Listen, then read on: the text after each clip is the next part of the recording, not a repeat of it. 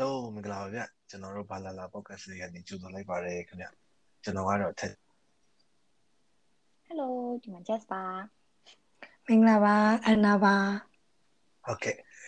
ကဲအဲ့ဆိုကျွန်တော်တို့ဒီ episode လေးမစခင်တကယ်ကျွန်တော်အားလုံးအဆင်ပြေလားဒီကောင်းကြလားရဒီဥတုကနည်းနည်းအပြောင်းလဲဖြစ်နေတာဆိုတော့လေအေးလိုက်ဝိုးရွာလိုက်ပူသွားလိုက်အဲ့လိုမျိုးဆိုတော့အော်အခုတော့ငါငါတို့ဘက်မှာမိုးရွာနေอ่ะနင်တို့ဘက်ကရွာလား အေးရွာရွာပြန်တိတ်သွားတယ်အိုးအေးဟုတ်တယ်နည်းနည်းတော့ပြန်တိတ်သွားတယ်ဟုတ်တယ်အေးဒီရက်ပိုင်းတော့လေတွေအရန်ကိုတိုက်နေပါတော့အေးဒီတိုက်ညနေပိုင်းဆိုရင်လမ်းလျှောက်ဖြစ်တယ်ကွာဒီလားလမ်းလျှောက်ဖြစ်တော့ဟိုတို့မနေ့ကလမ်းလျှောက်ဖြစ်လမ်းလျှောက်နေနေလင်းနေတော့ပဲအဲလင်းနေတော့အမှမောင်းဆိုင်ကိုဝင်ဝယ်လိုက်တယ်မောင်းဆိုင်ဝင်ဝယ်ပြီးထွက်လာချက်ချင်းမောင်းပါရတူတူအဲ့လိုမျိုး ရုပ်တရက်ကြီးတန်းရှောင်းနေနေ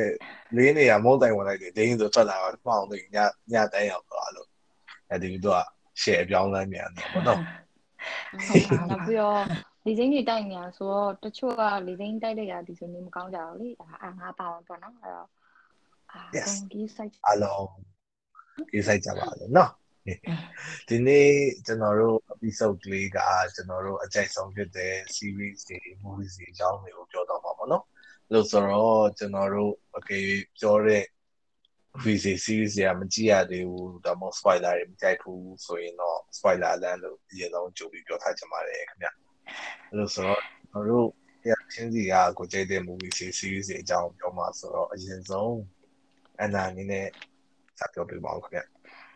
အာဟုတ်ကဲ့ပါ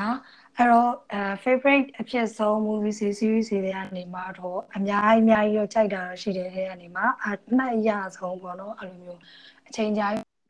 လို့ရှိရင်စီကိုရွေးထားတယ်ပေါ့နော် Love Rose ကြည့်ဘူးကြတယ်မလားဟင်ဟဲ့ကြည့်ပြတယ်ကြည့်ဘူးမယ်လို့တော့ပြောလိုက်နေပေါ့နော်တော်ရတော်ခုံးပေးများတောများင်းကကောင်းတဲ့မင်းသမီးအဲ Leprosy ကသူကအဲမင်းသမီးရတော့ဟိုဗာလေ Emily တဲ့က Lily Collins လားမင်းသားကတော့နာမည်တော့တရားမသိဘူးเนาะအဲမင်းသားအဲ Me Before You တွေရတယ်เนาะအဲမင်းသားအဲမင်းသားရေ အဲ ဟုတ်တယ်ဟုတ်တယ် Me Before You တွေကမင်းသား အစားအပြင်းများအခုသိရပါ အဲအဲဇက်ကြောင်းကတော့သူတို့ကတော့ဒီပေါ့အဲငယ်ငယ်လေးကလေးကလုံးဝ best friend နေပေါ့နော် best friend နေရနေပါသူတွေ အဲတယ်ဗီနော်ကြီးလာပြီးတဲ့ခါကျတော့လေဒီအဲဘယ်လိုပြောရမလဲအဲ့လိုပေါ့အရွယ်တွေရောက်လာပြီးတော့ခါကျတော့မှ ကိုယ့်နဲ့ကိုအိမ်မက်မက်ထားတာတွေကိုမျောမှန်းထားတာတွေအများကြီးပေါ့နော်အဲ့လိုမျိုးအိမ်မက်တွေကိုစီရှိနေကြပြီးတော့မှကိုယ့်ရဲ့လူငယ်ဘဝဆိုတာကြီးကိုဖြတ်တန်းရင်းနဲ့ကောင်းပါလေးကအဲ့လိုပေါ့အာအမားအဲ့လိုမတော်တဆပေါ့နော်အဲ့လိုမျိုးအဲဒီကိုဝင်ရသွားတာမျိုးရှိရပေါ့နော်နှစ်ယောက်လုံးကတော့ဒီအဲစိတ်ကူးထားကြတာသူတို့တွေအဲ့လိုပေါ့အဲကျောင်းနေသွားတက်မယ်ပေါ့နော် ဟို Harvard မှာသွားပြီးတော့စိတ်တက်ကူတက်တာသူကဒီအဲကောင်မလေးကကျတော့ဒီပါလေအဲ hotel management လာပြီးအဲ့လိုမျိုးတက်တာတွေပါအဲ့လိုမျိုးပေါ့နော်စိတ်ပြီးတော့ကောင်မလေးရရုပ်တက်ကြီးအဲ့လိုမျိုးပေါ့မှားသွားပြီးအဲ့လိုကိုရသွားခင်မှာနောက်ပြီးတော့သူတို့ကအဲဘယ်လိုပြောရမလဲဇလန်ကအဲ့လိုမျိုးပဲပေါ့နော်သူတို့အဲ့ဇက်ကားထဲမှာဒီအဓိကကတော့ romance comedy ပေါ့နော်ဒီလူငယ်ဘဝဖြတ်တန်းလာလေးတွေအဲ့ပြီးဒီ romance လေးတွေပေါ့နော်အဲ့လိုပေါ့အဲအတက်အကြပေါ့နော်အဲ friend friend zone ပေါ့နော်အတက်ကြတွေပေါ့ relationship ကအဲ့ပြီးတော့သူတို့ကအဲ့လိုပေါ့တောင်းတောင်းတဲ့ feeling ရှိနေကြတာကြီးတို့သူတို့အတွက်ကအဲ့လိုထောက်ပြောရတာထောက်ပြောရမှာယူသူတို့ကဘယ်လိုပြောရမလဲအဲ့လိုပေါ့မပြောဖြစ်ကြတာပေါ့နော်တောင်းတောင်းတဲ့ feeling ရှိနေရတာနဲ့အဲ့လိုမျိုးတွေမှာမအောင်တယောက်ပြီးတယောက်ကောင်မလေးရဆိုလဲအဲ့လိုပေါ့အကိုမျောမှန်းထားတာကိုကဘာတွေလုပ်မယ်ပေါ့နော်မင်းသားဆိုလဲသူလိုချောင်းသွားတက်လိုက်တာတော့ပါအဲ့လိုမျိုးတွေကနေမှာမတော်တဆကောင်မလေးကကိုရသွားပြီးတော့အသက်ငယ်ငယ်လေးနဲ့ဟို ကလေးအမေဖြစ်သွားတယ်ပေါ့နော်အဲ့မှာ तू ဘယ်လိုရုန်းကန်ရတယ်ပေါ့နော်အဲ့တော့ तू မမျော်လင့်ထားတဲ့ဘဝကြီးမှာ तू ဟိုဖြတ်တန်းရတယ်ပေါ့နော်အဲ့လိုပုံစံမျိုးလေးတွေလို့နောက်တစ်ခါကျတော့ကနေတောင်းတယ်လေချစ်နေရတာနဲ့ခန်းစားချက်တွေလည်းအယမ်းကိုရှိနေရတာနဲ့အဲ့လိုပေါ့အမြဲတမ်းလွဲနေရတာလေးပေါ့နော်အဲ့ဒါလေးတွေကိုရိုက်ထားတယ်ကားမျိုးလေးပေါ့နော်အမ်အမ်အဲ့တဲ့ကနေမှတော့ အဲဘယ်လိုပြောရမလဲအဲအမတ်ရဆုံးဆိုလို့ရှိရင်တော့ဟိုပေါ့ wedding speech ပြောတာလေးပေါ့နော်ဒီလိုအဲ့ဒါတတိယမလားမသိဘူးပေါ့နော်အဲ့ဒါနေရာနည်းနည်းရှိမယ်လို့ကြော်ကြည့်တယ် အဲ့ဒီမှာဗာလေသူ wedding speech ပြောလို့ရှိရင်ပြောရင်းနဲ့အဲ့တဲ့ပြောသွားတဲ့စကားလေးဆိုကအရန်ကိုအဲ့ဒီမှာရှိရဲ့ OST ဆိုလဲအရန်ကောင်းနေတယ်နော် high hopes လားမသိအဲ့တော့သူကအဲ့ wedding speech ပြောတာအဲ့ဟို code line လေ code line high hopes ဆိုတာသိအဲ့ဗာလေသူရဲ့ wedding speech ပြောဗာလေသူပေါ့လေဘယ်နေရာမှာပဲရောက်နေနေဘယ်သူနဲ့ရှိနေနေပေါ့လေသူကအမြဲတမ်းပဲချစ်နေမှာပါဆိုတာလေးပေါ့သူ မင်းသားရဲ့ wedding မှာ तू အဲ့လိုမျိုးပြောထွက်တာဘာအနာလေးပါကွာခံစားချက်ကထိတ်ဆုံးကိုရောက်သွားပါ။ဒါပေမဲ့အဲ့ဒီစင်းရလေးကအမြဲတမ်းမမိနေတဲ့စင်းပေါ့နော်အဲ့လိုမျိုးပေါ့နော်။အဲအဲ့လိုမျိုးလေးပေါ့အဲ့ဟုတ်တယ်ချစ်စရာလေးပေါ့နော်။อืมပြောပါဘာပြောချင်လို့လဲ။ yeah ဟိုအဲ့အဲ့ movie နဲ့ပတ်သက်ပြီးတော့ငါတော့တော့ mix feeling နဲ့တည်ရမလားအဲ့လိုမျိုးနောက်ဆုံးခံကြပါလို့မျိုးထားပြီးမှတကော hey အဲဟုတ်ပါ ဟုတ်ပါများမင်္ဂလာဆောင်ဟုတ်ပါဟုတ်ပါဟုတ်ပါဒါပေမဲ့လေဒါပေမဲ့ဒါပေမဲ့ကွာအဲ့ဒါလုံးဝ unfor- unforgettable တည်မှာဟိုဒါတော့ iconic ကတည်ရမလားဟုဒါတ်တယ်ဟုတ်တယ်ဟုအဲ့တ်ပါ movie အကြောင်းကိုစဉ်းစားလိုက်ရင် movie နာမည်အောင်သတိမရဘူးဒါပေမဲ့အဲ့ scene က run သတိရပါသေးတယ်။ဒါအောင်မျိုးဆိုခါကျဟိုမိုက်တာမိုက်တယ်ဗောနော်။မိုက်တယ်မိုက်တယ်အဲဟိုသူတို့ကဘယ်လိုပြောရမလဲတယောက်နဲ့တယောက်နဲ့အချိန်အကြာကြီးရှိနေခဲ့တဲ့ feeling တွေကိုသူကပဲသူပြောတယ် I realize ဆိုတော့သူတကယ် wedding ကြောင့်မှသူလုံးဝတိသွားတဲ့ပုံစံမျိုးနဲ့လာတယ် အဲ့လိုမျိုးလုံးဝအဲစကားတွေကထွက်ကြလာတယ်ပေါ့နော်အဲ့လိုမျိုး။အဲမိုက်တယ် I will always always honestly truly sorry ချစ်စရာလေးပေါ့နော်အဲ့လိုပေါ့ဆရာလေးကောင်းတော့ဆိုတော့မလဲ style တော့ဖြစ်သွားမှာပါ အဲ့တော့ဘယ်လိုပဲဖြစ်နောက်ဆုံးမှာတော့သူတို့ကအဲ့လိုပေါ့ main for each other ဆိုတဲ့ဘောမျိုးလေးနဲ့သတင်းသွားတဲ့အတွက်ကြောင့်မို့ happy ending ဖြစ်တဲ့အတွက်ကြောင့်မို့လဲအရင်လည်းဝမ်းသာရတယ်ပေါ့နော်စာပိုင်းနေမှာတော့မျက်ရည်တွေနဲ့ကြည်ရပြီမယ်ဟုတ်လေအစားကားရလည်းမဟုတ်ပါတော့မလေးအနည်းဆုံးတော့ happy ending လေးရပါပါကျေးဇူးအများကြီးတင်နေပေါ့နော် happy ending လေးနဲ့ဆုံးပြီးတော့အဲ့ကောကကြည့်ကြည့်တော့အဲ့အားမရဘူးဘယ်ယောက်ျားလေးမင်းအဓိကမင်းသားကိုအားမရဘူးပေါ့ အဲအားမရဘူးအဲဟုတ်တယ်ငါလည်းတိလာငါလည်းအဲ့ကပထမဆုံးတစ်ခေါက်ကြည့်တဲ့အချိန်တုန်းကကွာသူတို့နှစ်ယောက်တယောက်နဲ့တယောက်နဲ့ feeling ရှိရဲဆိုတာကိုကွာငါမင်းငါပိုရှိရဲမင်းသမီးရဲ့ feeling ကိုပဲ express လုပ်ပြရလို့ခံစားရတယ်ကွာတိလာမင်းသားဘက်ကနေအဲ့လောက်ထိဟိုမလုပ်ဘူးလို့ငါခံစားဒါပေမဲ့နောက်တစ်ချိန်ပြန်ကြည့်မှာအော်သူလည်းကြိုက်တာပဲပေါ့နော်အဲ့လိုမျိုးခံစားမိတယ်ဟုတ်တယ်မင်းသားဒါပေမဲ့စဉ်းစားကြည့်လိုက်တော့ ကွာမင်းသား feeling ရှိတယ်လို့လားပြောတာမင်းသား feeling ရှိနေတဲ့အချိန်တိုင်းမှာမင်းသားဘေးမှာကောင်မလေးနောက်တစ်ယောက်ကရှိနေရချင်းပဲကွာဒီလားอืมဒါသူ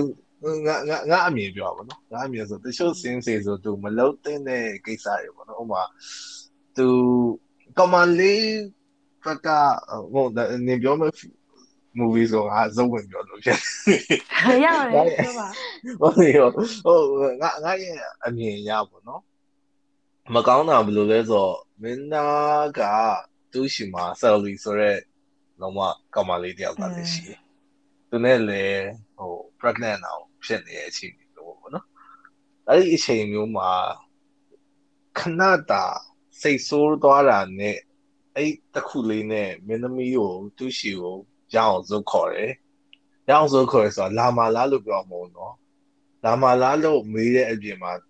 သူကလင်းလက်မှတ်မှာဝယ်ပေးလိုက်တယ်ကွာဒီလားအဲ့ဒီဟာမင်းမင်းသမီးရောက်လာတော့လေမင်းသမီးနဲ့တစ်ချိန်လုံးဟန်ကောက်လုပ်တယ်မင်းသူ့ကောင်မလေးအကြောင်းမပြောဘူးသူ့ကောင်မလေးနဲ့ကွဲသွားလားမကွဲသွားလားလားမင်းသမီးကတော့ကွဲသွားပြီထင်တာပေါ့ဒီမှာခေါ်ရဲဆိုပြီးတော့တညာလုံးဟန်ကောက်လုပ်တယ်မနိုင်ကြမှာအိမ်ပြောင်းတယ်အမဟိုကောင်မလေးကအမသူပြီးတော့ဟိုကောင်မလေးကလေကွာ ငါထင်တာတော့မနာလူတာရှိမှလေဘာလို့ဆိုတော့တစ်ချိန်လုံးဗီဒီယိုတွေ exchange လုပ်နေတာပါလေလားသူတချို့ဗီဒီယိုတွေမှာဆိုဟိုကောင်မလေးက Sally ထင်တယ် Sally ကအဲ့ဗီဒီယိုတွေမှာဝင်ဝင်ပါတယ်ကွာတရားမှာဘာလို့ဆိုတော့ဒါဒါငါကောင်လေးဆိုတဲ့ပုံစံငါငါအမြင်ပြောပါတော့ငါကောင်လေးဆိုတဲ့ပုံစံနဲ့ဝင်ဝင်ပါပြီးတော့ကျမသူသူ့ရဲ့ existence ကိုပြတယ်ကွာဒါပေမဲ့ဟိုမင်းသားလည်းအဲ့လိုမျိုးတော့မလုပ်သင့်ဘူးလို့ထင်တယ်ပေါ့နော်ငါရဲ့စိတ်ထဲမှာ ဒါပေမဲ့ဟိုဆယ်လေးကလည်းတော့သူဖောက်ပြန်ပြီးရတာသူတပိုင်းပေါ့နော်ဒါပေမဲ့မလုပ်သင့်ဘူးလို့ထင်တာပေါ့နော်ဒါဟို social ethic အရာပေါ့อืมငါထင်တာတော့ကွာဘယ်လိုပြောရမလဲမင်းသမီးကဟိုပေါ့တဲ့မင်းသမီးကဟိုခလေးလေးမွေးထားတာမှမင်းသားအိမ်အိမ်လေရောက်လာတဲ့ချိန်ကျမှသိရတာလေအဲ့လိုမျိုးပေါ့နော်သူကမင်းသမီးက choice တစ်ခုဆိုတော့လုံးဝလုံး ဆိုတဲ့ပုံစံမျိုးနဲ့ကွာသိရမလား तू က feeling ကတော့တော့မင်းသမီးပေါ်မှာရှိရေပေါ့နော်ဒါပေမဲ့သိရမလားဒါမှမဟုတ်လည်းသိရမလားငါတို့ဟိုဘယ်လိုပြောရမလဲအဲသိရမလားဟိုဒီတယောက်နဲ့မရလို့တလုံးမယူတော့ဘူးဆိုတဲ့ဟာမျိုးကမရှိတော့ဘူးလေဟုတ်တယ်မလားအဲ့လိုမျိုးတွေပေါ့နော် तू ကလေသူ့မှာလည်းဘယ်လိုပြောမလဲဘက်ကက်လေးတွေဆန်ထားတယ်ဒါပေမဲ့ဟိုပြောရမလားဆိုတော့အဲ့ဒါပို့ပြီးတော့မှလူသားပုံစံတိုင်းဟုတ်တယ်မလားဟို तू ကမှ perfect human being မဟုတ်တော့အဲဟုတ်တယ်လေဟိုဘယ်လိုပြောရမလဲ ဆက်ပြီးတော့ move on လုပ်နေရမှာပဲပေါ့နော်အဲ့လိုအဲ့သူသူနောက်ဆုံးဟိုသူမဒီမှာပြောသွားရတယ်အဲ့လိုပဲလေဟိုမင်းသမီးရဲ့သမီးကိုတင်ပေးရတယ်ဟုတ်တယ်ပါအဲရဲ့သမီးရဲ့အားလေသူတို့အသွဲသူတို့တငယ်ချင်းနှစ်ယောက်လိုပဲသူတို့မင်းသမီးနဲ့မင်းသားလိုပဲလေတငယ်ချင်းနှစ်ယောက်ရှိတယ်လေဒီကျမှကောင်းလေးကမင်းသမီးသမီးကိုနန်းလို့ဆိုမင်းသမီးသမီးကနေတော့စိတ်ဆိုးထွက်သွားတဲ့အချိန်မှာမင်းသားပြောတယ်ဟွာဟို ကောင်လေးကိုစိတ်မဆိုးနဲ့မိတယ်လို့ပြောလိုက်တယ်အကယ်၍အဲ့လိုလာပြောခဲ့ရင်ဟိုကောင်လေးကတတ်တတ်လုံး perfect ဖြစ်ဆုံးအလားဆုံးကောင်းပါလေးနဲ့ဘူးပေါ်တော့လိမ့်မယ်ဆိုပြီးပြောပါအဲ့တော့သူတို့သူတို့ရဲ့ story အတိုင်းပဲဆက်ဖြစ်နေဆိုတော့အဲ့နာလေးကအိုးအိုင်ကောအာဟိုဟိုအာမရအာမရဖြစ်ရတဲ့ဇကားတွေကတကားပေါ့နော် ကြည့်ရင်ကြည့်ရင်ねကွာဟာကွာဆိုတော့လေကိုရီးယားအလွဲလိုပဲလွဲကြတယ်အမ်ငါကားကိုပြောရမယ်ဆိုရင်တော့ဟောငါကားကအဲငါကတော့ငါလည်းငါရဲ့တည်ရမလားအဲ intro episode မှာကိုပြောထားတာရှိတယ်မြအဲစကားလေးကိုကြည့်ရဲ့ ကောင်မလေးတယောက်ပါနော်အဲ့ခါကျတော့ငါရဲ့ favorite စကားလို့ပြောရမယ်ဆိုရင်ဘယ်အရာမှရွေးချယ်လို့မရတော့ကောင်မလေးပြန်ဒါပေမဲ့လေအာဟိုပေါ့နော်ဒီဟာအကြောင်းကိုပြောကြမယ်ဆိုပြီးပြောလိုက်တဲ့အချိန်မှာလုံးဝ first stop ပထမဆုံးကောင်းတဲ့ဝင်လာတာဗာလဲဆိုတာနာသာဦးဟျောင်းမယ်ဆိုတော့စကားတော့မဟုတ်ပေမဲ့သူကအာ K drama series ကိုအဲ့ရဲ့ series အကြောင်းကိုပဲပြောချင်တယ်ပေါ့နော်။အဲ့ဒါတော့ကျွန်တော် လူတော့လိုက်ပြောမှရန်ကုန်လူရန်ကုန်လူကြီးကြပါကြီးကြပါဆိုပြောမှလိုက်ပြောရဲအားတော့တေချာကြည့်ဘူးပဲပေါ့နော်။ကြည့်ဘူးတော့အာအားလုံးကိုလည်းအဲ့ရဲ့အာဟာလေးကြောင်းလည်းနေရှိတာအဲ share ပေးချင်တာပေါ့နော်။အဲ့တော့အခုဟိုအခုကကြတော့ဟိုဒီမင်းသမီးကသူကစင်းမင်းသမီးရဲ့စင်းတစ်ခုအကြောင်းကိုပြောပြချင်တာပေါ့နော်အခု သူကသူ့အထဲမှာသူကမင်းသားတို့မင်းသမီးတို့ကသူကတယောက်တည်းกว่าနေကိုဟိုအဲစကားပြောတဲ့အခါအဲအဲ့ဒါဘယ်လိုပြောရမလဲဟိုကိုကိုတွေးနေတဲ့အချိန်ကျွန်တော်ရှိရလို့မှအတွေ့ရှိရဲအဲ့ဒါကိုတွေးတဲ့အချိန်မှာသူကအဲ့ဒါလေးကိုသူစကားနဲ့ပြောကြတယ်အဲစကားထိုင်တခါလို့ကျွန်မအဲ့လိုဖတ်ပြချင်တယ်အဲ့တော့ဒီခက်မှာဆိုရင်အမင်းသမီးနဲ့မင်းသားငယ်ကအဲ ကွဲကွဲသွားတာပေါ့နော်စပြီးတော့မှမိမိကအဲဒီအသက်ကွဲနေတဲ့အချိန်ပေါ့နော်အဲ့အချိန်မှာစင်းတစ်ခုတော့သူ့ရဲ့စင်းထဲမှာဗာရေးထားအာဘေးဘယ်လိုလေးသူကပြောလဲဆိုတော့မိမိကတနေ့ကိုဒီမတော့ဘဲနဲ့အာစီးတဲ့အတိုင်းနို င်ဒီတော့မှအာတော့ဆိုရင်သူကြောင့်စမှာဖြစ်တော့လေဘာဖြစ်လဲဆိုတော့အချောက်ကနာနေတော့တဲ့ကိုချလိုက်ပြီဆိုရင်တဲ့တခဏတာပျော်ရွှင်မှုကိုရရှိတယ်တဲ့မထင်မဲ့တဲ့နေရာတွေကနေပြီးတော့မှပေါ်ပေါ်လာတဲ့သူနဲ့အမှတ်တရတွေကြောင့်မလို့သူ့ကိုစဉ်းစားနေတဲ့အချိန်တိုင်းမှာသူကပို့ပြီးတော့မှနာဆမ်းမှာပို့ပို့ပြီးတော့မှနာကျင်ပေးပါတဲ့ညတရေနိုးလာပြီးတော့မှဖုန်းကိုကြည့်မိတဲ့အခါတိုင်း ပြီးတော့ရှေ့ဆက်ရှောက်နေပြီမဲ့လေစိတ်ကနောက်ကိုပြန်သွားဖို့အတွက်အော်ဟစ်ငိုယူနေခြင်းတာပူနာမှနာကျင်ပြီးပါတဲ့လက်ကလေးတစ်ချောင်းတော့မလုံနိုင်တော့တဲ့အထိဒါမှမဟုတ်ရင်ငါငါလို့တော့မသိနိုင်တော့တဲ့အချိန်ထိနာကျင်နေဆိုရင်တဲ့သူနဲ့ပတ်သက်တဲ့အတွေ့အကြုံပျောက်ကွယ်သွားတယ်တဲ့အခြားတက်ရင်တက်တလောက်သူနဲ့ပတ်သက်တဲ့အတွေ့အကြုံပျောက်ကွယ်သွားတယ်တဲ့နာကျင်နဲ့ နာကျင်ဘလောက်မှာရင်ထဲမှာပို့ပြီးတော့မှတက်တာရဲ့အဲဒါကတော့အဲဆုံး one of the best thing ပေါ့နော်အကြိုက်ဆုံးထဲမှာပါတဲ့ဟာပေါ့နော်အာဒီဟာကတော့အလုံးလေးအခုအာနောက်ထောင်နေတိုင်းမှာတည့်ရတိုင်းမှာဒါအသက်ခွဲအခန်းပေါ့နော်အဲ့တော့အမ် yes ငါတို့စဉ်းစားလိုက်တယ်ဆိုရင်ဒီကိုရီးယားကအများကြီးရှိတယ်မင်းသားတွေမင်းကြီးအသက်ခွဲကြရကွာအဲ သူတို့ဒီအသက်ခွဲတာကိုတင်ပြတဲ့ပုံစံဘယ်လိုလဲဆိုတော့အမ်ရက်ဒီတောက်ကြရဲအာမိုးရွာထဲမှာငိုယိုကြရဲအာကားကြီးအကျန်းကြီးမောင်းကြရဲတဲ့မှာအားမလဲနေမကောင်းဖြစ်ကြရဲဆိုတော့ဒါကောင်းပါဟိုပါပေါ့ငါတို့ relate လုပ်ရရရကွာဒါမဲ့လေနောက်ပြီးတော့အမှန်လေးမှန်တယ်ကွာအာဒါပေမဲ့တစ်ခါလေကြာရင်ဟိုဒီဇက်ကားဆိုတဲ့အရာကသူတို့လုပ်တဲ့အရှင်ကြီးပုံမှာဘယ်လိုပြောမလဲငါတို့က ဟို relate လုပ်လို့ရပါမယ်လေငါတို့ ਨੇ အရင်ကြီးဝေးကွာနေရဒါစကိုင်းမှာပဲရှိရဆိုတဲ့ဟာမျိုးခံစားတတ်တဲ့ဟာမျိုးတွေရှိရကွာ อืม အဲဒါပေမဲ့ဒီကားထဲမှာဆိုရင်ဒီကားထဲမှာ तू ကဒီဟာလေးကိုဘယ်လိုတင်ပြထားလဲဆိုတော့ငါတို့နေ့စဉ်ကြုံတွေ့ခံစားနေရတဲ့အရာလေးတွေပဲငါတို့တစ်ခါလေကြာရင်ဖက်နှက်ကအဲအဆင်မပြေဖြစ်တယ်ငါတို့စီးထားတဲ့ငါတို့ရဲ့ဒီအာရငါတို့အမနဲ့သွားတဲ့အချိန်မှာအင်းကြီးကကြက်နေရငါတို့ဘယ်လိုပြောမလဲငါတို့ဟိုအဆင်မပြေတဲ့အရာလေးရှိရကွာက အဲ့လိုဟာမျိုးလေးအဲ့အဲ့ဒီအထက်ကအရာလေးတစ်ခုကိုယူပြီးတော့မှ तू ကကြပြဆန်အောင်လေးတင်ပြလိုက်တာကွာနောက်ပြီးတော့ကြပြဆန်တဲ့အချိန်မှာလဲ तू ကငါတို့နဲ့ဝေးကွာတဲ့ကြပြဆန်မဟုတ်ကွာငါတို့နဲ့နီးကပ်တဲ့ဟာကိုမှ तू အဲ့ဒါလေးကိုဘယ်လိုတင်ပြလိုက်တယ်လို့ငါ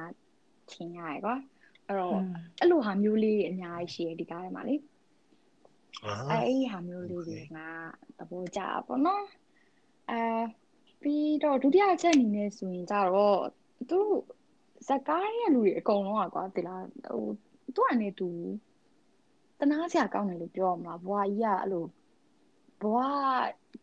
ကဝန်းနေစရာကောင်းတယ်ကွာတိလားဒါပေမဲ့လည်းအာအကုန်လုံးကဟိုကောင်းမွန်စွာမဟုတ်ဖ ೇನೆ ကွာသူကနေသူကရှေ့ဆက်နေကြတာကွာ အာအဲ့ဒီအချိန်မှာမင်းသမီးကသူကဒီသူ့ဘွားရဲ့ဒီဟိုအကြီးမားဆုံးသောဟိုပါပေါ့ပေါ့ အာဖြစ်တဲ့ကြီးကိုသူကရင်ဆိုင်ပြီးတော့မှသူကအဲ့ဒါတွေကိုအဲ့လိုမျိုးကောင်းမွန်စွာမကြော်လွှားနိုင်သေးတဲ့အချိန်ပေါ့ကွာဒါဟိုကောင်းမွန်စွာဆိုဘယ်လိုပြောရမလဲသူများတွေလောက်အဲ့လိုဟန်ဆောင်ပြီးတော့မှမကြော်လွန်နိုင်သေးတဲ့အချိန်မှာသူကအဲ့ဒီဇာကားလေးကဖြစ်တာပေါ့နော်အဲ့တော့အမ်ငါတို့အရင် episode ကပြောထားတဲ့အတိုင်းပဲပေါ့နော်ငါလည်းအဲ့လိုသိရမလားအဲ့လိုအာ ups and downs လေးတည်မလားရှိခဲ့ရကွာရှိခဲ့တဲ့အချိန်မှာဒီဇက်ကားကိုတွေ့ရခါကျတော့ဟိုကိုကအရင် relate လုပ်လို့ရတယ်လို့လည်းခံစားရတယ် ပြီးတော့လည်းဟိုပြောမှဆိုရင်ဟိုဘလို့ဘလို့ပြောမှဆိုအာခါလီကြရင်ငါရဲ့အတွေ့ငါထင်တော့ငါတို့အားလုံးကလည်းတစ်ခါလီကြအဲ့လိုတွေးကြမယ်ထင်ပါတယ်ငါတို့ကအာအရာအားလုံးက100% operate လုပ်မှာဒါကကောင်းမွန်စွာ operate လုပ်တယ်လို့ထင်ကြရကွာဟုတ်တယ်မလားဒါပေမဲ့တစ်ခါလေကြရင်ငါတို့က70%နဲ့လေ operate လုပ်နေရပဲ50%နဲ့လည်း operate လုပ်နေရပဲဒါပေမဲ့အဲ့ဒါရှေ့ဆက်မပွားဘူးလို့ ပြောလို့မရအောင်နော်အေးဟုတ်တယ်အဲ့လိုမျိုးဆိုတော့အာဒီကားမှာပြောနေတဲ့ပုံစံကပေါ့နော်အဲ့လိုမျိုး it's fine it's fine ပေါ့နော် it's fine like ဒီမလားအားလုံးက fine နေဆိုတဲ့ဟာမျိုးလေး message perfect မဖြစ်တဲ့ကိစ္စမရှိဘူး yes yes အဲ့လိုမျိုးလေးခံစားရတယ်ဆိုတော့အာဒီကားကိုကိုကရုပ်ရှင်ရည်လို့ကြည့်ရတယ်မဟုတ်ဘဲနဲ့ကိုကသူ့ရဲ့ related ဖြစ်တပြီးငယ်ချင်း yes ဒါမှမဟုတ်အဝေးကစမ်းကြည့်ရတဲ့စိန်တယောက်လိုမျိုးအာကိုက humor like ငွေလို like စိတ်ပြက် like တနာ like ပြန်မှာကိုချင်းစာ like နဲ့ဒီကားလေးကိုကြည့်လိုက်ရတဲ့ဟာရန်ကိုပျော်ရွှင်စရာကောင်းတဲ့ experience တစ်ခုဖြစ်ခဲ့လို့နားချင်တယ်အဲ့တော့အားလုံးရှင်းပြချင်တာအာ share ပေးချင်တာပါအာအဲ့တော့အာအချက်လက်တွေ ဟိုအဲ့အဲ့ဒီဟာအခု just ပြောသွားတာကိုနားထောင်ပြီးတော့တခုတွေးမိသိကျင်တာပေါ့နော်ဟမ်ဘာဖြစ်လို့အဲ့ဒီလွာနဲ့ account related ဖြစ်တာလဲကိုယ်ရိုင်းအတွေ့အကြုံနဲ့ထပ်တူထပ်များခံရတာဒါမှမဟုတ်ဒါမှမဟုတ်ပေါ့နော်အဲဆက်တော့ဖြစ်ပြီးပါဒါမင်းကောနိုင်တယ်မင်းကောနိုင်တယ်မေးခွန်းနိုင်တယ်မေးခွန်းတတ်တာလား အာဒါပေမဲ့တချို့တချို့တော့ဟာတွေကကွာကိုယ်တိုင်မတွေ့ကြုံဘူးဆိုရင်တော့မှကိုကတွေ့ကြုံကိုကိုကသူနဲ့အတူတူတွေ့ကြုံရတယ်ဆိုတဲ့ခံစားချက်မျိုးပေးရဆိုတဲ့ဟာမျိုးပါအဲ့ဒါတော့ဒီနေရာမှာအာဒီကဆုံးပြောလို့ရမယ့် experience ဆိုတော့ငါထင် good answer good answer yes safe answer safe answer ဟိုအဲ့တော့ငါပြောမယ်ဟိုကလေအခုငါ အဲ့ဒီဟိုကလေအဲ့တော့ပြောတာ just ပြောတာဟိုဖြစ်ပြီးတော့လေတခုတွေးမိတော့ပါတော့အခုအခုလေးရင်တွေးမိတော့တာဗာလဲဆိုတော့လွန်ခဲ့တဲ့10နှစ်လောက်လို့ပြောအောင်တော့ပေါ့9နှစ်လောက်လို့ပြောအောင်အတုံးကတွေးခဲ့တဲ့ပုံစံမျိုးကနောက်10နှစ်ဆိုရင်တော့ဘယ်လိုဖြစ်နေလောက်တယ်နောက်9နှစ်ဆိုရင်တော့ဘယ်လိုဖြစ်နေလောက်တယ်ဆိုတော့အခြေအနေမျိုးမှာ ဒါမို့အဲ့လမ်းပေါ်မှာပေါ့နော်ရှိနေလား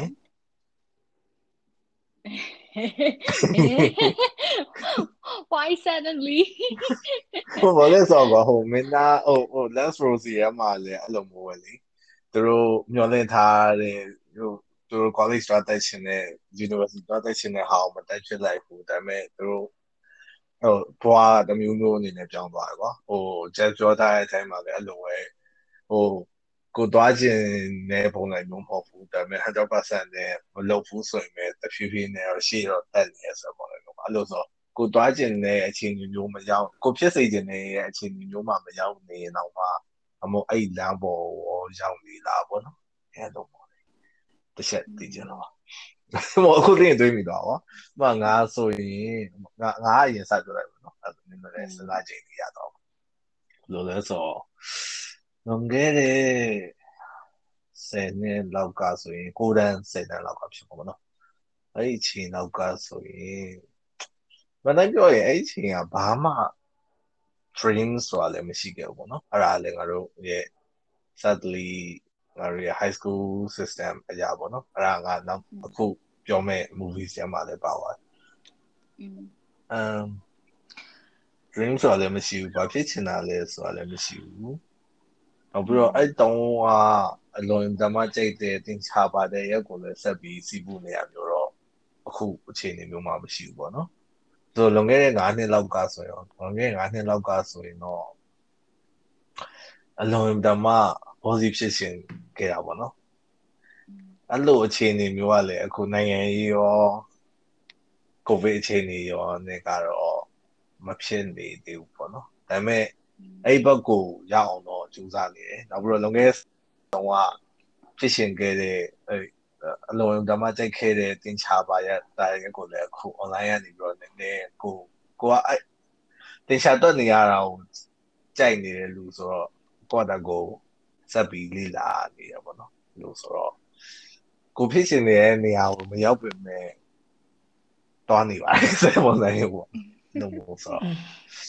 အဲ့တော့မှ satisfy မဖြစ်ဘူးမဲ့ဩ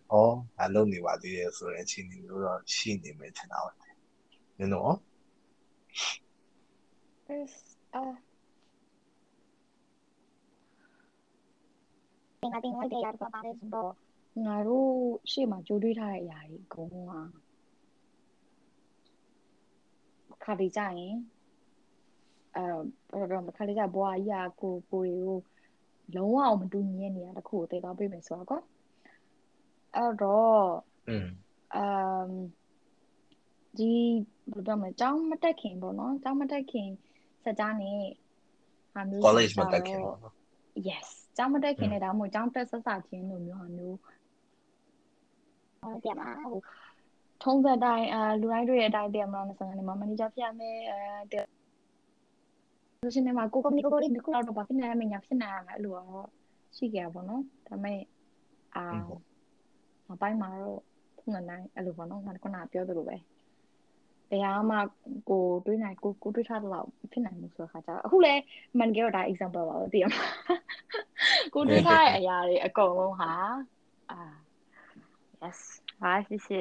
တခါကြတယ်ဖြစ်နိုင်ဘူးဆိုတာမျိုးဆိုတော့အဲ့ကလေးကစပြီးမှတော့ဖြစ်နိုင်ဘူးတော့မဟုတ်ပါဘူးမဖြစ်သေးဘူးလို့အရင်ပြောတယ်အဲဆမ်မတရမလားဟိုကိုဗစ်တီကွာဟိုငါတို့ကငါတို့မငါ့ရဲ့အင်အားနဲ့ငါတခုပြောင်းလဲနိုင်တယ်လို့ခခံစားခဲ့ရတယ်ပေါ့နော်ဒါပေမဲ့အခုဒီကိစ္စတွေပါဖြစ်တဲ့ခါကျတော့တချို့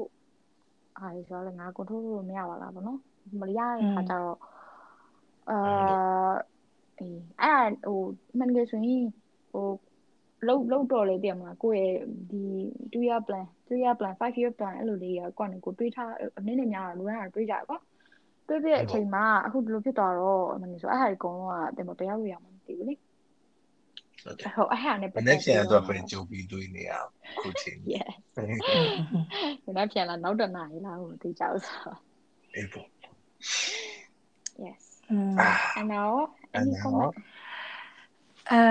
အင်းပေါ့ခုန just ပြောသလိုပဲပေါ့နော်ငါလည်းလုံခဲ့တဲ့အဲ့လိုချောင်းစားပြီးတော့အဲ့လိုတက်သူပေါ့နော်တက်သူစားပြီးတော့တက်တဲ့ချိန်မှာကိုကိုကိုနောက်ဘယ်နှစ်နှစ်9နှစ်10နှစ်10လို့ဖြစ်ဖြစ်လာမဲ့ကိုဆိုပြီးတော့ကိုကိုကိုပုံဖော်ထားတဲ့အရာတွေကအခုချိန်မှာတော့အဲငါတင်တာတော့ငါဒီလိုမျိုးတွေကြားမျိုးလို့ရလို့တော့ မဟုတ်ဘူးပေါ့နော်အဲ့လိုဒါတွေလည်းပိုင်းပါမှာပေါ့နော်ဒါပေမဲ့လည်းတပိပိနဲ့ဟိုပေါ့ဖြတ်တန်းလာရင်ဖြတ်တန်းလာရင်နေပေါ့နော်ဟိုဒီလိုမျိုးဟိုပေါ့ကိုယ့်ရဲ့ဟိုဘယ်လိုပြောမလဲတတ်မှတ်ထားတဲ့အဲအဲ goals တွေပဲထားပါတော့เนาะအဲ့လို goals တွေဖြစ်ဖြစ်ပေါ့နော်ဘာဖြစ်တဲ့နဲ့ဘာဖြစ်ရမယ်ဆိုတာမျိုးကြီးတွေကဟိုပြောင်းလဲလာတယ်ပေါ့နော်အဲ့လိုမျိုးပြောင်းလဲသွားပြီးတော့ခါကျတော့အရင်တော့ကတော့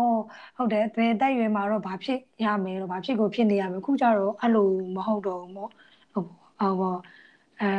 ဟိုဘယ်လိုပြောရမလဲဟို standard တွေပဲကြာသွားလာတော့မသိဘူးပေါ့နော်အဲ့လိုမျိုးမုံကောက်ကိုအဲ reality ကို realize ရအဲကွက်ကိုဟုတ်လားပေါ့မဖြစ်နိုင်ဘူးလို့ပဲထင်လို့ပဲကွက်ကိုပဲတင်မှာရှော့ချလိုက်လာတော့မသိဘူးပေါ့နော်အဲ့လိုမျိုးတင်တော့တော်ပြီးငါဘဝကြီးကိုကွက်နဲ့ကိုအေးစစ်စစ်ပဲပေါ့နော်အဲ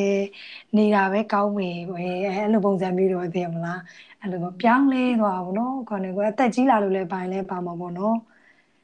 အဲ့လိုမျိုးတွေပေါ့နော်อืมဟုတ်တယ်နောက်ပြီးတော့အဲ့လိုပေါ့အဲ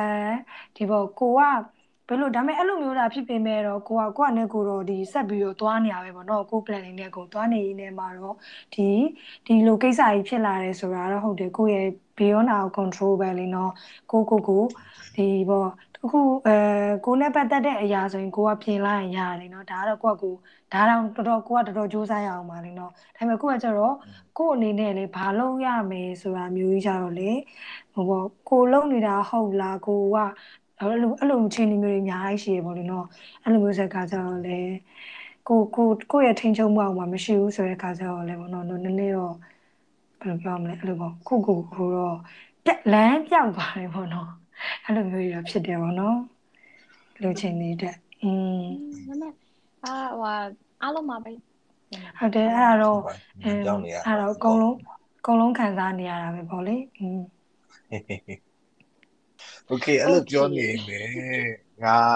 အာပြောချင်တဲ့ movie တွေကပေါ့နော်အဲ့လိုအခုငါတို့ပြောနေရတယ်နဲ့လေတိုက်ဆိုင်နေ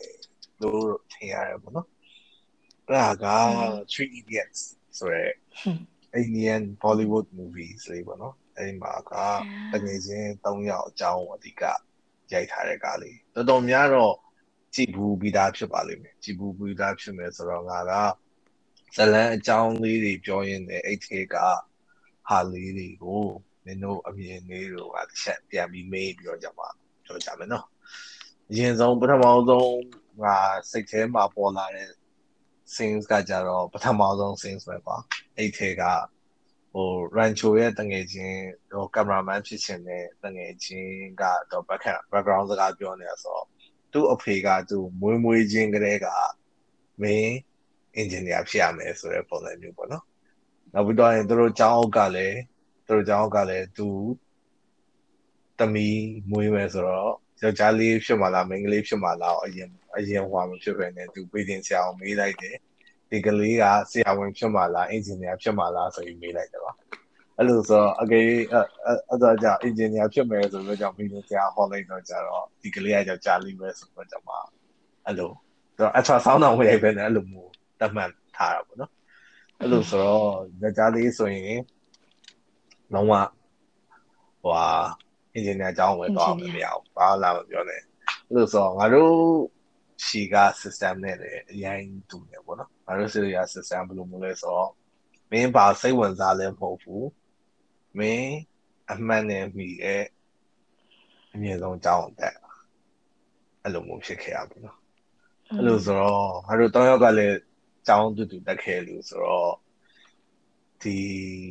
အဲ့တော့ tourism management ကို မင်းတို့စိတ်ဝင်စားလို့ပဲရွေးချယ်ခဲ့ရလားဒါမှမဟုတ်အိမ်ကနေပြီးတော့ရွေးချယ်ခိုင်းခဲ့ရလားပေါ့နော်ငါအနေနဲ့ပြောရင်အမှန်တိုင်းပြောရင် tourism management ဆိုတာစတက်တော့ဘာမှမသိခဲ့ဘူးအဲ့တော့လည်းအင်္ဂလိပ်စာဆိုတာလည်းအရင်လုံးဝဟောဖြစ်ခဲ့ဘူးကွာလို့ဆိုတော့ BA tourism ဆိုတော့ okay BE ဆိုတော့ဘာတော့ Bachelor of Art Bachelor of Art ဆိုတော့အော်အနုပညာအကြောင်းသင်ပါလားမသိဘူး tourism tourist တွေအနုပညာအကြောင်းသင်ပါလားမသိဘူးကြော်စရာကြီးဆိုတော့ကျွန်မ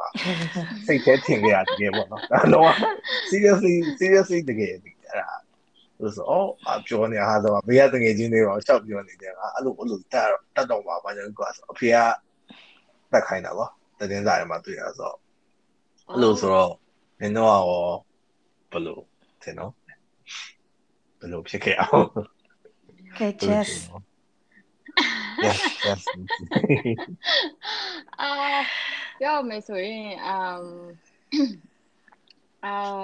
ငါရဲ့အမေကအောင်ဒီအတိုင်းပဲ tourism field မှာဆိုတဲ့ခါကျတော့ပြောမယ်ဆိုငါအာဟုတ်တာပဲ yes အာဒီဟာကိုငါကျတော့လုံးဝရည်ရချက်ရှိရှိနဲ့ငါစောင့်နေတာကွာအာစောင့်နေပြီးတော့မှဒီဟိုကနေပြီးတော့မှသတင်းစာကနေပြီးတော့မှကြီးညာမယ်ငါတို့ကအဲ့လိုမျိုးရှောက်ရမယ်ဆိုတဲ့ခါကျတော့အာ yes အဲ့မှာငါငါစီမှာရွေးချက်စရာကသိရမလားอืม ထုံးစံတိုင်း UFL ဒါမှမဟုတ်ရင်အဲတည်မှာအမ် yes engineer တော့ဘာလို့ဒါမှအဲ့ဒီအချိန်မှာအဲ့ဒါကြီးအကုန်လုံးကအဲ့လိုအရင်စိတ်ဝင်စားစရာကောင်းတဲ့ offer မဟုတ်ဘူးလို့ထင်ရတယ်တည်မှာအဲ့တော့အော်ငါဒီလမ်းကိုပဲရှောက်ချင်တာပေါ့နော်အာဒါမဲ့လည်းအမှန်တကယ်တော့ဟို tourism management ဆိုတာလေဘာကိုတင်မလဲဆိုတာဟာကိုယ့်ရဲ့ expectation တွေလည်းအဲ့လောက်ကြီးကြီးလေ ဟိုမကိုက်ညီခဲ့ပါဘူးစီရမလားဒါပေမဲ့လည်းအော်အော်ဒါဘောနော်အဲဘယ်လိုရှိအဲဒီသူများသွားတယ်လားအဲ့ကလေးကများသွားတယ်လမ်းတိုင်းသွားခြင်းပေါ့နော်ငါငါသွားခြင်းတာသွားမယ်ဆိုပြီးတော့မှမေလောက်ခဲ့ပြီးတော့မှအဲအဲ့နောက်အကြောင်းပြောရမယ်ဆိုရင်အဲ့ဒါဆက်လိုက်ပါအဲ့ဆိုတော့ငါတို့ထဲမှာတော့အဲ့ဒီကလေးက tourism နဲ့အနည်းဆက်ဆုံးငါတော့ just တယောက်ပဲပေါ့နော် ငါငါတော့ငါအရင်နေပြားများခဲ့ရတယ်တော့ငါငါငါတို့တွေဗာလဲចောင်းចောင်းလျှောက်ရတယ်ဗလားចောင်းနေလျှောက်တဲ့ခါကျပထမဦးစားပေးဒုတိယဦးစားပေးတတိယဦးစားပေးစတုတ္ထဦးစားပေးလို့လျှောက်ရတယ်နော်အဲ့လိုခါကျတည့်ထုံးစံတိုင်းတည့်မှာငါတို့ရမင်းပထမဦးစားပေးရပါလေဆိုစေးကြအောင်ပေါ့လေနော်ဒါကတော့မိဘတွေဦးစားပေးပေါ့လေနော်အဲ့ရနေမှာအဲ့လိုတွေရေးရေးနေတော့ဆုံးကြတော့ငါက ငါပါလဲဆိုတော့ငါအဲငါစတုထမှာမလားမသိအဲ့စတုထလည်းတကယ်တော့အဲ့လိုပေါ့အဲ့လိုဒေါ်တွေကနေမှစွတ်တွေထည့်ခိုင်းလို့သူတို့ထည့်ခိုင်းလို့ဆိုပြီးထည့်လိုက်ရအဲ့ဘာဖြစ်နေလဲဆိုတော့ BED ဖြစ်နေပေါ့နော်ပညာရေး အဲ့ဒါကြီးကတကယ်ကြာလာတယ်ရှေ့ရှေ့က၃ချောင်းလုံးကမကြာဘူးလေငါအဲ့လိုတက်ချင်ခဲ့တာငါ MID လားပြီငါတို့နှစ်မှာမှတင်နေနော်အေးဟုတ်တယ်ငါ MIT ရှေ့တိုက်ရှင်ဟုတ်တခဲ့ယ်ငါပဲဒီလားငါပဲငါ MID ကိုငါလည်းတက်ချင်ငါဘာလို့စိတ်ဝင်စားရလို့တော့မဟုတ်ဒါပေမဲ့ငါ MID ကိုဘာလို့တက်ချင်ခဲ့မှန်းလဲငါလည်းသိချာမသိဘူးဒီလားအဲ့လိုမျိုးလေးပေါ့နော်တက်ချင်အဲ့လို BED ကြာလာပြီ BED မတက်ဘူးမတက်ဘူးမတက်ဘူးဆိုတော့ရန်ကုန်နေထိသွားပြီးတော့အဲ့ရအဲ့ချိန်မှာနောက်ပြီးတော့လေးမှတ်မိသေးလား Cyber City Cyber City ကလည်းခစ်စားနေရလေဟုတ်တယ်မလားငါတို့နေတော့อืมအဲ့ဒါဟို Cyber City ပြောင်းပြောင်းပြောင်းပြောင်း Cyber City ပြောင်းပြောင်းရန်ကုန်ထိသွားပြောင်းတာနော်သွားပြောင်းပြီးတော့ခါကျသတင်းစာတွေငါဟုတ်ပဲဟုတ်ပါသတင်းစာတွေကနေပါအဲ့ဒီရဲ့ tourism ဆိုပြီးခေါ်တဲ့ခါကျအဲ့ချိန်မှာတင်တယ်ငါ just နဲ့ငါတို့ကအဲ10တန်းတော့ငါတို့ကကျူရှင်တူလာဟုတ်နော်အဲ့ခါကျတော့တော့သူလက်တက်တာပဲဆိုပြီးတော့တော့ရှောက်ကြည့်မယ်ဆိုပြီးတော့ရှောက်လိုက်ရှောက်လိုက်ရင်ကနေမှအဲ့လိုပေါ့ Cyber City ကိုလည်းအဲ့လိုမရွေးဖြစ်ခဲ့ရင်းနဲ့ tourism ကိုရွေးလိုက်တယ်ပေါ့နော်အဲ့လိုမျိုးအဲ့ လိုအဲ့တွေ့တော့ guilty guilty person တွေပါပေါ့နော်ဟိုအဲ့လိုဆွဲ cyber ဆောင်ခဲ့ cyber city ကိုဘာလို့ဆိုအဲ့ဒီတည်းမှာအော်ပြုံးလို့ဘတ်တီတော့တက်မယ်ဘာညာဘာညာကိုအိမ်နာပဲတက်ရတယ်ကောင်းတယ်အဲ့လိုရောစဉ်းစားပြီးတော့ခါကြတော့တင်မှာကိုကကိုဘာတက်ချင်လဲဘာစိတ်ဝင်စားလဲဆိုတာမရှိဘူးပေါ့လေနော်အဲ့လိုမျိုးစင်ပြေလောက်တယ်ဆိုတာမျိုးလေးကိုပဲရွေးလိုက်ရင်လည်း tourism ကိုရောက်လာတာပေါ့နော်ဟိုငါလည်းအဲ့လိုနင်းလို့ပဲကွာအဲ့ဟိုအဲ့တော့ MIT ကစစဖွင့်တဲ့ပထမဆုံးပြီးတော့ငါလည်းအဲ့လိုတင်ချာတို့ ဟို physics ဆိုမတရားကြိုက်တာပါအခု flex flexing လောက်တာတော့မဟုတ်ဘူးနော်အဲ့တော့လည်းတင်ချာဟို69မှတ်ရဆိုငါကွာဆိုပြီးတော့အာရပါရအဲ့ရမှတ်နေဟိုအဲ့အဲ့ဘက်ကိုတောင်းမယ်ကွာဆိုပြီးတော့ရှောက်တာရှောက်တာလည်းနည်းနည်းဟဟိုဟိုတိမ်မော်မြောက်နေအချိန်ဆိုတော့ကျတော့အာရပါရအဲ့ဒီစိတ်ကြောင်းတော့ထည့်လိုက်တယ်ပြီးတော့ရင် MID ထည့်လိုက်တယ်ပြီးတော့ရင် တခြားဘာလဲမသိဘူးထည့်လိုက်တယ်အဲ့သုံးခုပဲထည့်လိုက်တာပါသုံးခုပဲထည့်ပြီးတော့ကြာမှာအဲ့သုံးခုကမရုံးနဲ့မှာထင်တယ်စိတ်ကြောင်းကအရင်ကအယောက်600ခေါ်တာကို300ပဲခေါ်လိုက်တာလေဆိုတော့အမှတ်တွေကထိတ်ခေါင်းနေအဲ့ချေဝင်သွားလို့ဆိုအဲ့ရအမှတ်တွေအောက်တွေအောက်ကိုကြာအဲ့တော့ကြာစိတ်ကြောင်းအမှတ်ကမြင်တော့ကြာအမိုက်တရားလည်းအမှတ်လိုက်ပြီးအဲ့လိုဆိုကိုလျှောက်ထားတဲ့အကြောင်းတွေကမပါလာတော့ရန်ကုန်တိသွားပြီးတော့အကြောင်းတွေထပ်တူပါလေဟုတ်တယ်ဟုတ်တယ်ဟုတ်တယ်တိုးပြီးတိုးပြီးတော့မှအော်ဒီ tourism ကလည်းခေါ်တယ်အဖေကနေပြီးတော့အဲ့ဒီစင်းလာရဲမှာတွေ့ရတယ်ဆိုတော့အဲ့ tourism ဟိုရှောက်ရှောက်ပြီးတော့ tourism ရောက်လာလို့ဆိုတော့ဒီဝိုင်း Okay အဲ့လိုဆိုတော့နောက်ထပ်နောက်ထပ်စဉ်းစားမိတဲ့အဲ့အဲ့ဇကားကတော်တော်လေးကောင်းကောင်းပါရောလို့ဆိုတော့ငါတို့10တန်း9တန်း10တန်းလောက်ကဖြစ်မယ်ထင်နော်ဒီဇကားထွက်တာနောက်ထပ် sing တစ်ခုကဘာလဲဆိုတော့မင်းသားကအဲ့ဒီ သူတို့ engineer class တစ်ခုပါပေါ့နော်သူ rancho မင်းသားက engineer class ကိုတော့ engineer ကိုဘာသာရပ်ကိုတော်တော်လေ့လာခြင်းနဲ့လို့တော်တော်လေးစိတ်ဝင်စားတယ်လို့ဆိုတော့ပြုံးပြုံးကြီးနဲ့ထိုင်ကြည့်နေတော့ဆရာဆရာဘာလို့ပြုံးနေရလဲဆိုတော့ဟုတ်တဲ့ engineer ဘာသာရပ်ကိုဟိုတင်ယူနေရမှာတရားတော့ဟိုကိုကိုကိုပျော်လို့ပေါ့အဲ့လောက်ပျော်နေကြမလို့ဆိုပြီးတော့ရင်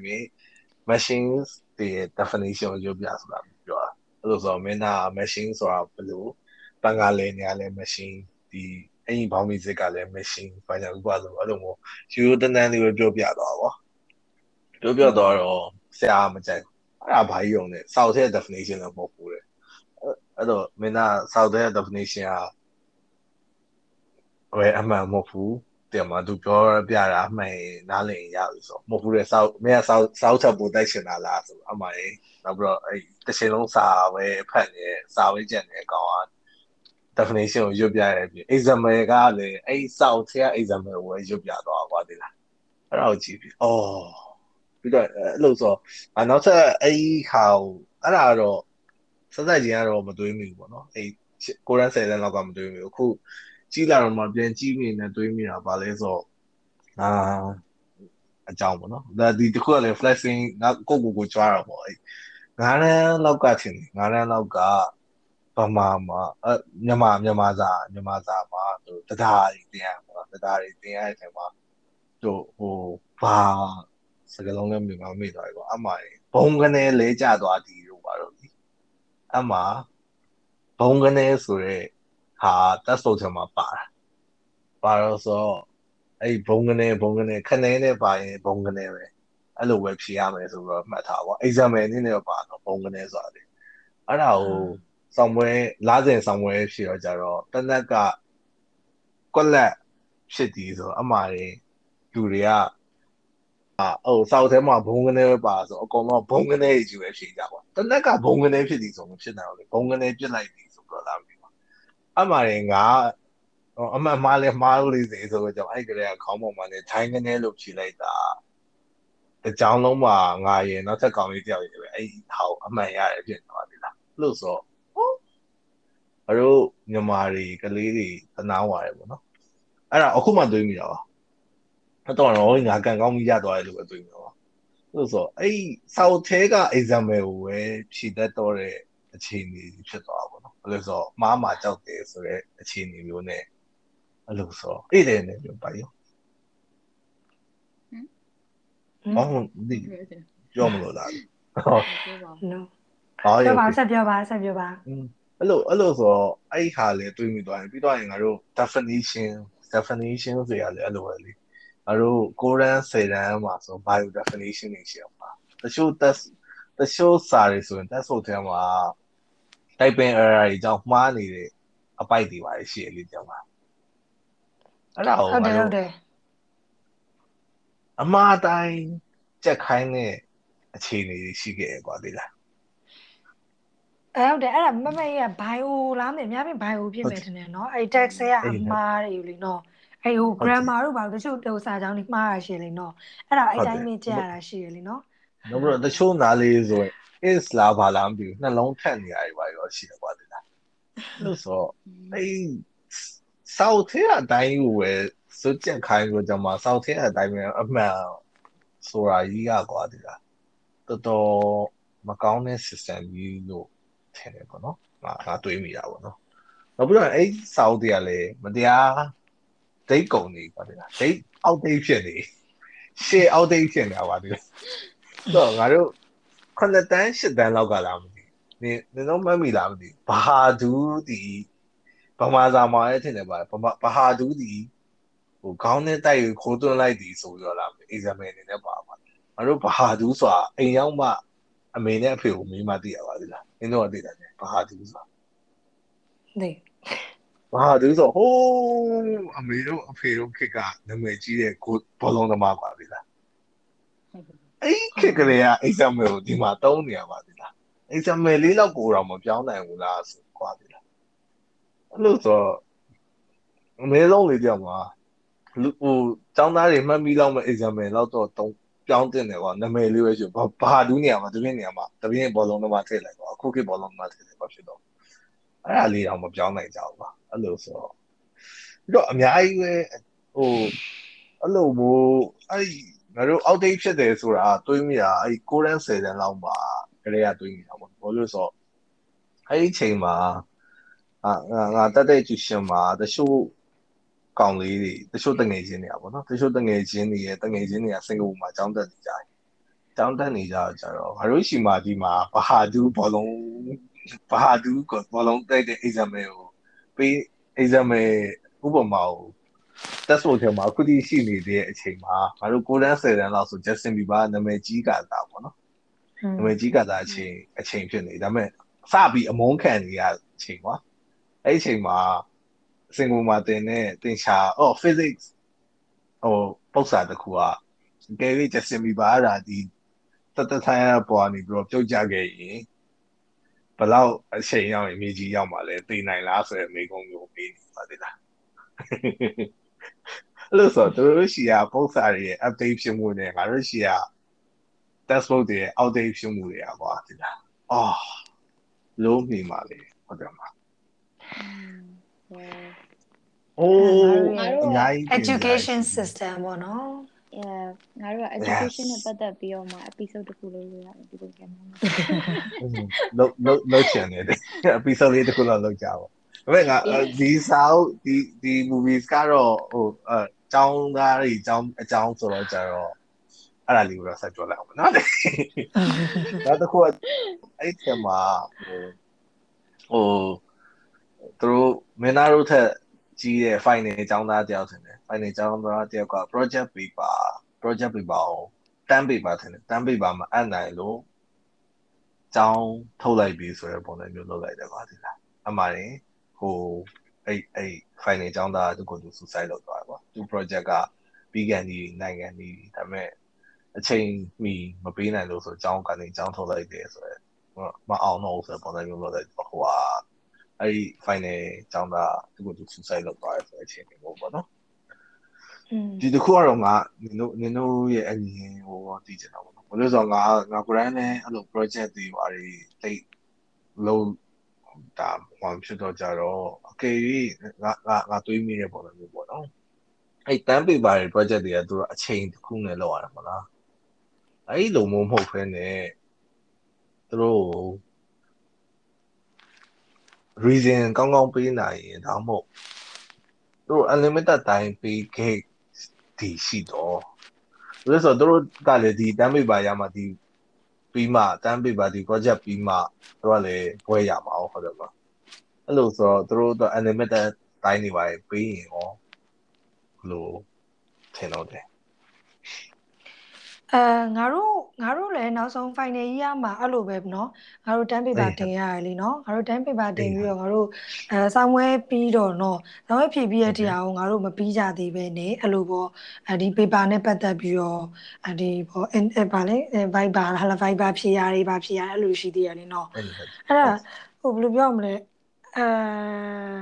အဲ့လိုပေါ့အနာအဲ့လိုပေါ့ reason ကောင်းကောင်းတစ်ခုကတော့ပေးပေးရင်တော့သိရမလားပြန်ပြီးတော့စဉ်းစားရမှာပေါ့နော်ဒါကတော့ဟိုဖြစ်တင်ဖြစ်ထိုက်တဲ့အရာလို့ပဲပေါ့နော်အဲ့လိုဒီချိန်မှာဒါကြီးကိုမတင်နိုင်လို့ဆိုပြီးတော့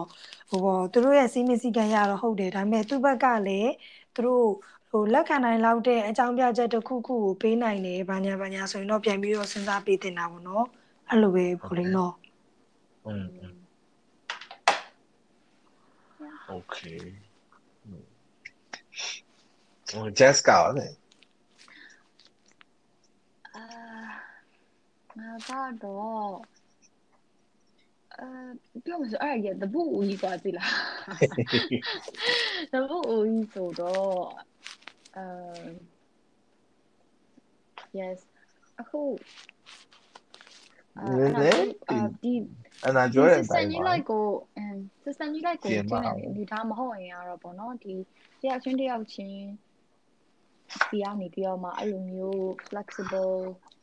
change လေးပေးမယ်ဆိုရင်တော့ဒါကတော့အခုလောလောဆယ်အတွက်အဆင်ပြေဆုံးအာ solution ပဲ solution ပဲ ပေါ့နော်อืม โอเคနောက်တစ်ခု ဟုတ်ကွာ က အဲခဏလေးနော် အေး ဟို လေ ပါပေါ့ငါတို့ကဟိုပေါ့ဘယ်လိုပြောရမလဲအဲရှိရတယ်လေအများနဲ့လောက်ရတဲ့အလုပ်တွေဆိုရင်တယောက်ကိုခွင့်ရေးပေးလိုက်ရင်ကျန်တဲ့လူတွေကိုလည်းပေးရမယ်ဆိုတာမျိုးရှိရတယ်နော်အဲ့လိုမျိုးတချို့ကသိရမလားဒါပေမဲ့ဘယ်လိုပြောရမလဲ အဲအဲ့လိုပေါ့ဥမာငါတို့ចောင်းသားတွေဘက်ကစဉ်းစားလိုက်ရင်ကြတော့လေကွာဥမာငါတို့ဒီဒီဘွဲတစ်ခုရဖို့အတွက်ငါတို့တွေဟို time invest ကကွာအနည်းဆုံးငါတို့ဆို၄နှစ်ဟုတ်တယ်မလားတကယ်ဆိုလည်းဘယ်နဲ့နှစ်နဲ့ချီပြီးတော့ရှိနေရပေါ့နော်အဲ့အတွက်ကြောင့်မလို့တော့သိရမလားဟိုပေါ့ star စီကန်တော့စီကန်ပေါ့နော်ဒါပေမဲ့ဟိုပေါ့အနည်းဆုံးတော့သူ့ရဲ့ reason တစ်ခုကိုတော့ဟိုသိရမလားကိုယ့်ဘက်ကဟိုသူ့ကိုလိုက်လိုက်ရောပေးတာမရောပေးတာတကယ်နာပေါ့အနည်းဆုံးတော့သူ့ရဲ့ reason ကိုတော့ကိုကနားတော့နားထောင်သိနေပေါ့နော်အဲ့လိုတော့ထင်နေပေါ့နော် อืมโอเคအဲ့ဆိုရင်နောက်တစ်ခုနောက်တစ်ခုဆက်တာလိုက်မယ်နော်နောက်တစ်ခုကအဲ့ဒါတော့ဒီကတော့ sense တစ်ခုမဟုတ်ပေါ့သူတို့ထဲကအမြဲတမ်းပြောနေကြစကားလေးတစ်ခုရှိတယ် all this way all this way all this way ဆိုတော့အဲ့ဒါမင်းသားကဟိုသူတကယ်ချင်းတော့တယောက်ကိုရာဂျူးကိုဟောဆောင်းမွေးဖြေကနေအရန်ကြီးကြောက်နေလို့ဆိုတော့ကျွန်မအဲ olive oil လို့ပဲပြောကြည့်ဆိုတော့ပြောပြောတယ်အဲ့ဒီအဲ့ဒီ olive oil ဆိုစကလုံးလာတဲ့ပုံစံနဲ့မင်းသားတို့ငယ်လေးတော့သူတို့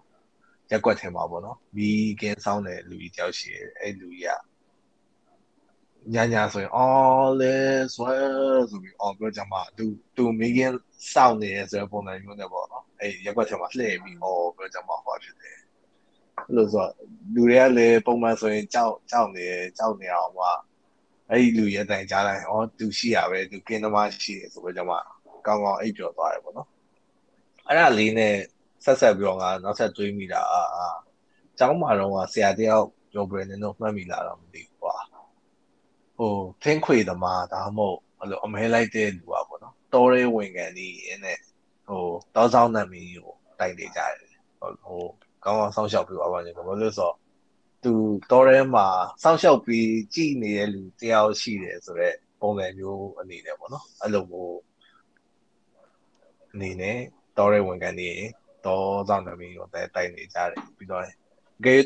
သူတော်ရဲမှာတင်လဲဒီကောင်တော့ဆောင်နာမည်ကိုကောင်းကောင်းမတိုင်တယ်လို့ဆိုပုံစံမျိုးနဲ့အပြစ်အပြစ်ပို့စရာလေးရှိအောင်လို့ပေါ့နော်အဲ့လိုမလုပ်ကြရဲဆိုပြီးပြောကြတယ်အဲ့လည်းပတ်သက်ပြီးတော့တခြားဘာသာရေးဘက်ကလည်းနည်းနည်းလေး စဉ်းစားမိရရှိရပါတော့ဒါပေမဲ့အခု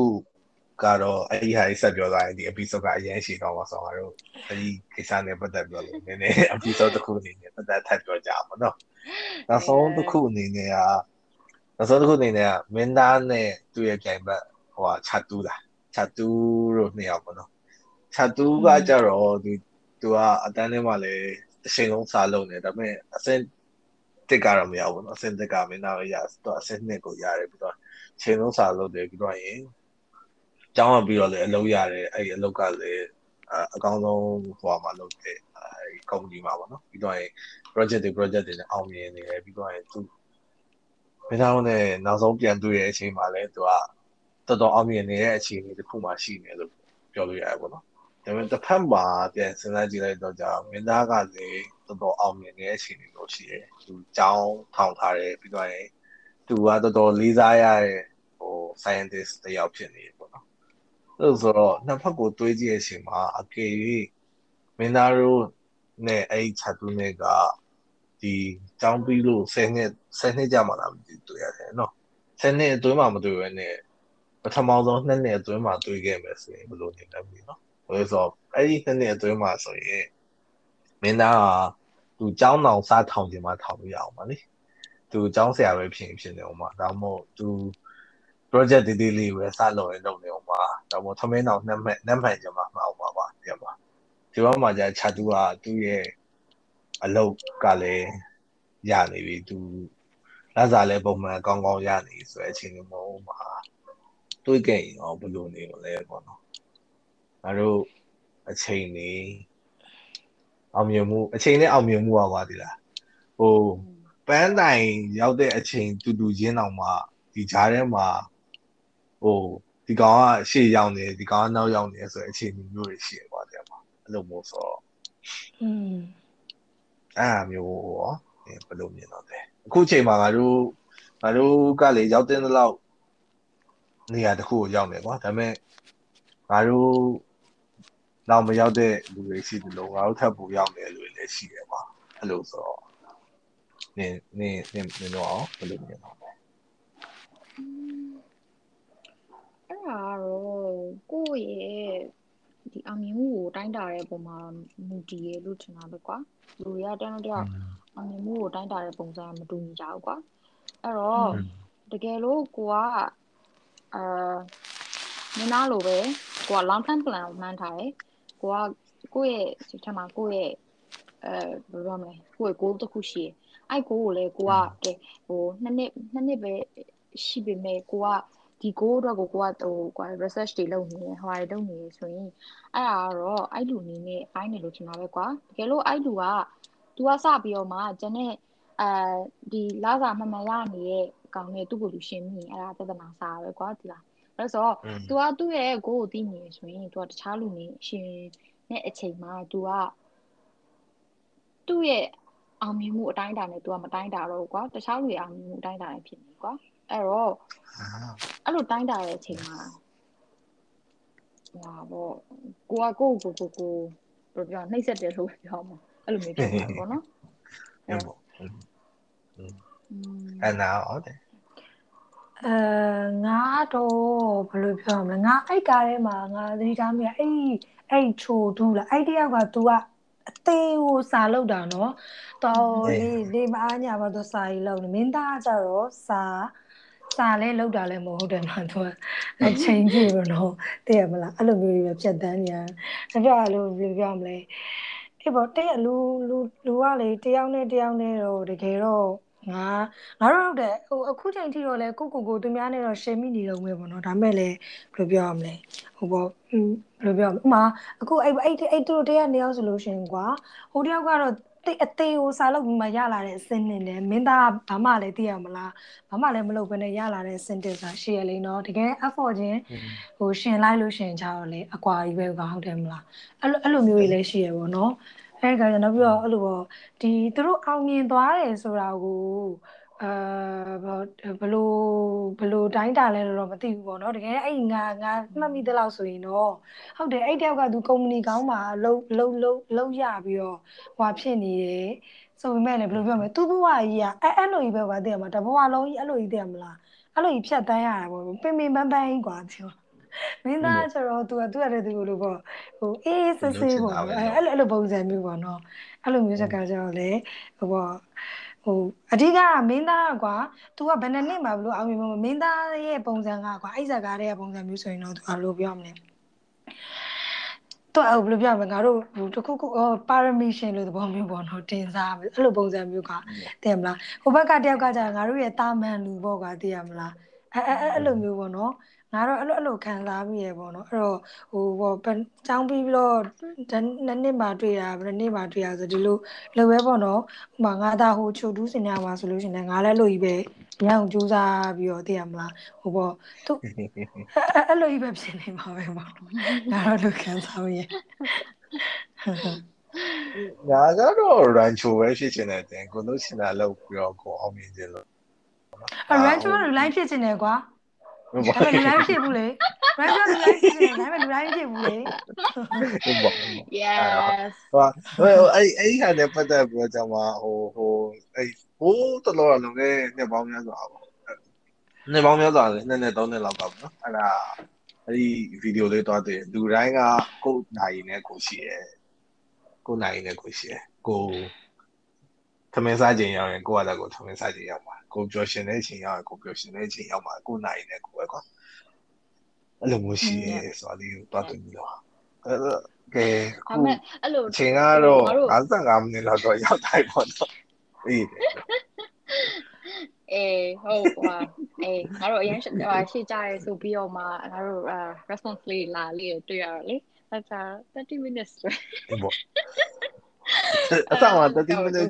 အဲ့လိုပြီးအောင်လုံးနေရတယ်စကားပြောရတာကောင်းရင်လည်းကောင်းရင်လည်းအဲ့လိုမျိုးဖြစ်သွားအောင်ဟုတ်အဲ့ဆိုအဆုံးသတ်လိုက်ကြအောင်တက်တီရဲ့ဟာ education piece ကိုတက်တက်လောက်အောင်ပါဟို education လား Yes. movie လားဟုတ်ကဲ့အဲ့တော့ဟိုအာအန်နီအနေနဲ့ကဟိုဟာဟိုဟာဟိုအန်နာတို့ကျန်းဆိုပြောလို့ပဲကွာဟိုပြီးတော့အရှိရနေတော့ပြောတဲ့ဟိုဟာ Love Rosie ဆိုဟို Miss O'Hare အောင် တို့ movies ဒီ movies တွေအဲ့ဒါပဲကိုမျောလင့်ထားတော့ဖြစ်ရှင်မှဖြစ်လာလိမ့်မယ်ပေါ့ဖြစ်ရှင်ဟုတ်မျောလင့်ထားတာမျောလင့်တဲ့အချိန်မှာတော့ဖြစ်ရှင်တော့ဖြစ်လာလိမ့်မယ်ဒါပေမဲ့ဆက်လက်ကြိုးစားနေရင်တော့ဖြစ်လာအောင်ပါမင်းသမီးနဲ့မင်းသားလိုပဲနောက်ဆုံးမှာတော့ရတော့ပါလိမ့်မယ်အလုံးမလေးဆုံးတဲ့ရှင်မင်းတို့ကဟုတ်တယ် ဟုတ်ပါလေဖြစ်မှာဖြစ်မှာမလားအဲဆက်လျှောက်ဆက်လျှောက်ပေါ့တော့တစ်ချိန်ညရင်ပြန်စုံမယ်ပေါ့နော်အဲစုံခြင်းလဲစုံမယ်မစုံခြင်းလဲမစုံစုံခြင်းလဲမစုံ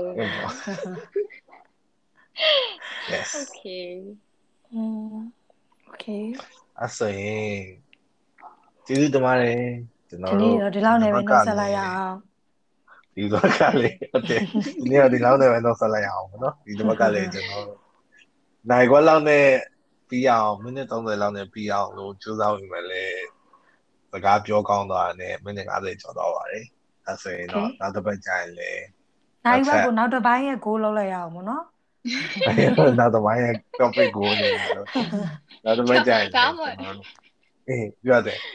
ဒါမှငါတို့ရဲ့ topic ငါတို့ရဲ့ conversation ငါတို့ရဲ့30 minute နဲ့ဘယ်လိုအပြီးဖြတ်ရမလဲဆိုတဲ့ဟာငါတို့ရဲ့ topic လို့အေးနော်အဲ့လိုဟုတ်လေ Okay okay okay အဲ့ဆိုရင်နောက်တစ်ပတ်ကြာရင်ကျွန်တော်တို့လည်း Yep. နောက်ထပ် episode တွေ topic တွေနဲ့စူးစမ်းပြီးထပ်လာပါအောင်ပဲဗျကျေးဇူးတင်ပါတယ်ကျေးဇူးတင်ပါတယ် bye bye bye bye